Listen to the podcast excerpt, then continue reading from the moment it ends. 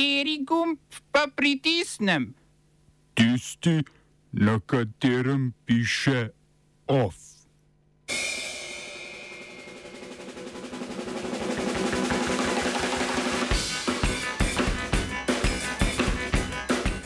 Benjamin Netanjahu z dogovorom o novi izraelski vladi. Vlada odpravila uredbo Janševe vlade o javni službi STA. Državni svet z vetom na novelo zakona o finančni upravi.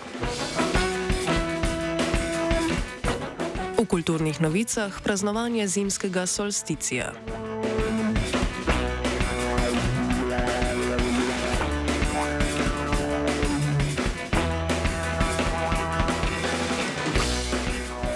Zmagovalec izraelskih volitev in nekdani premijer Benjamin Netanjahu je dosegel dogovor o sestavi vladne koalicije.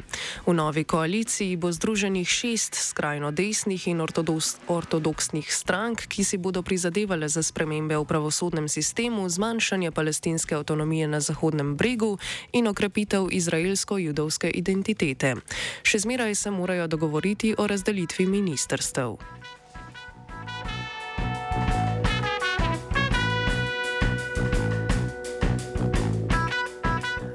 Dina Boluarte, začasna predsednica Peruja, je delno preuredila vladni kabinet. Za novega premijeja je imenovala Alberta Otarolo, ki je bil v vladi dosedaj minister za obrambo.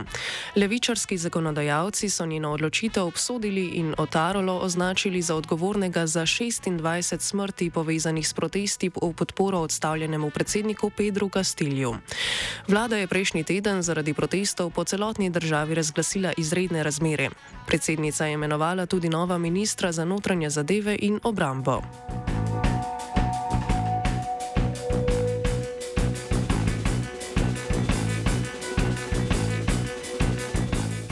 Fidžijska vojska bo v luči visečega parlamenta in domnevnih groženj manjšinskim skupinam policiji pomagala pri ohranjanju miru v državi.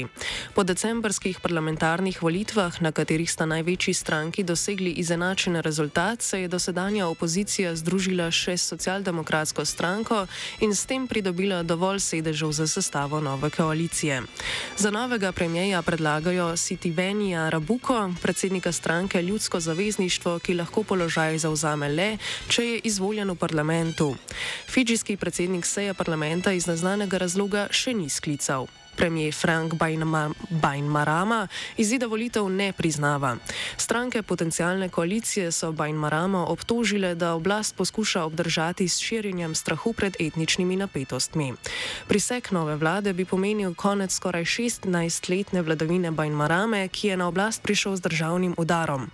Po Bainmaramovih besedah naj bi rasistični podporniki dosedanje opozicije izvajali nasilje nad indofidžijsko manjšino, zaradi česar je po pogovoru z obrambo obrambnim ministrom sprejel odločitev o vojaški pomoči policiji pri ohranjanju reda in miru. Stranke nove koalicije obtožbe o napadih in polarizaciji državljanov zanikajo, zahtevajo dokaze o nasilju nad manjšinami in poudarjajo, da si prizadevajo za mirno spremembo oblasti.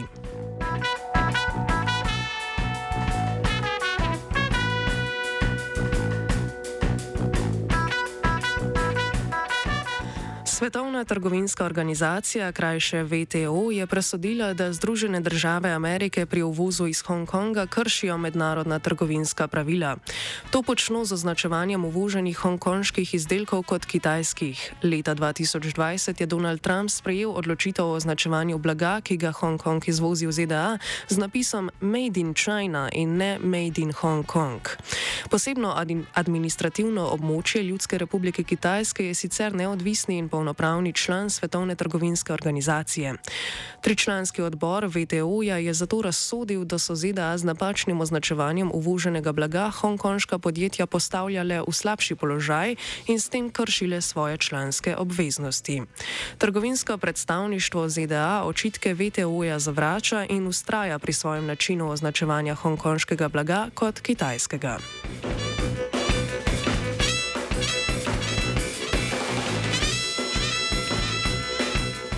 Ukrajinski predsednik Volodomir Zelenski se je v Združenih državah Amerike mudil na prvem obisku v tujini od začetka februarske ruske invazije v Ukrajini.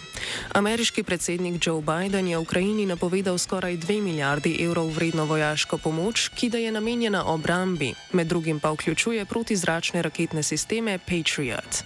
Biden je obljubil tudi, da bodo ZDA v Ukrajino poslale še za skoraj 400 milijonov evrov humanitarne pomoči.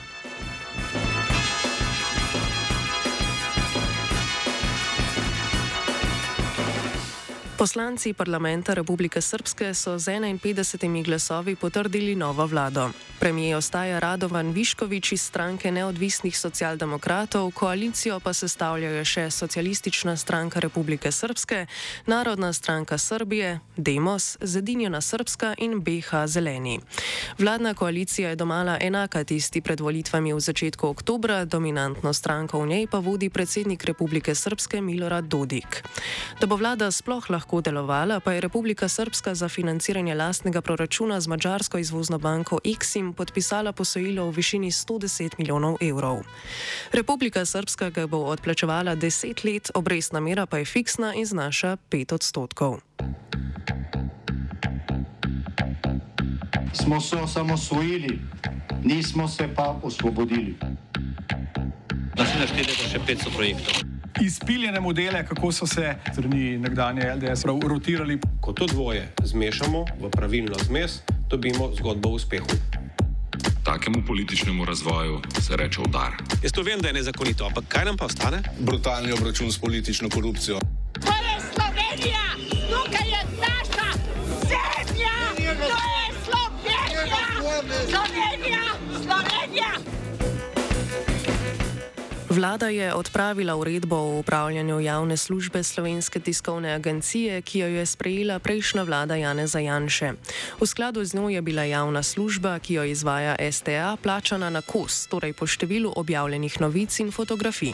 Govori ministrica za kulturo Asta Vrečko. Ta škodljiva uredba je otežila finančno poslovanje Slovenske tiskovne agencije.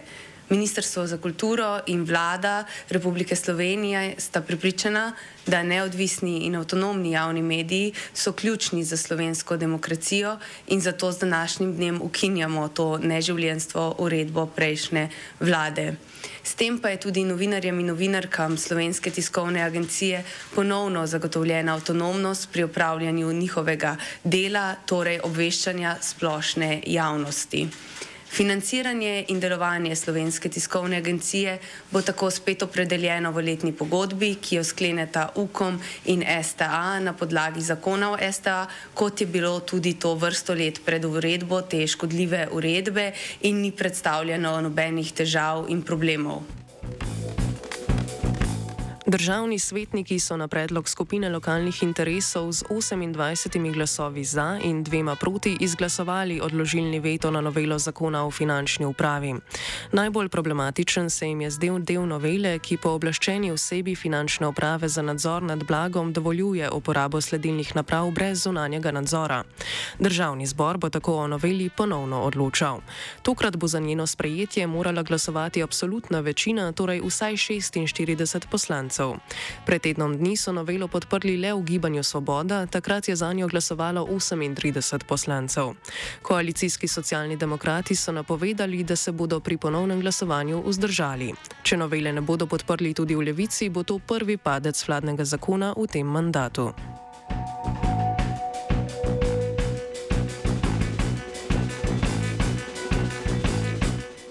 Ob petih bo na slavnostni seji v državnem zboru zaprisegla prva predsednica Republike Slovenije Nataša Pirc Musar. Nasledila bo Boruta Pahorja, ki je to funkcijo opravljal dva mandata, torej deset let.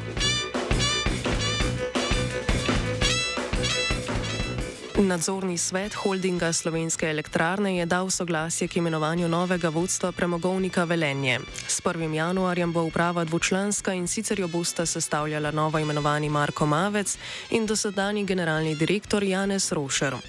Mavec je funkcijo generalnega direktorja sicer opravljal že med oktobrom 2019 in majem 2020, ko so ga nadzorniki predčasno odpoklicali in na njegovo mesto imenovali Rošerja.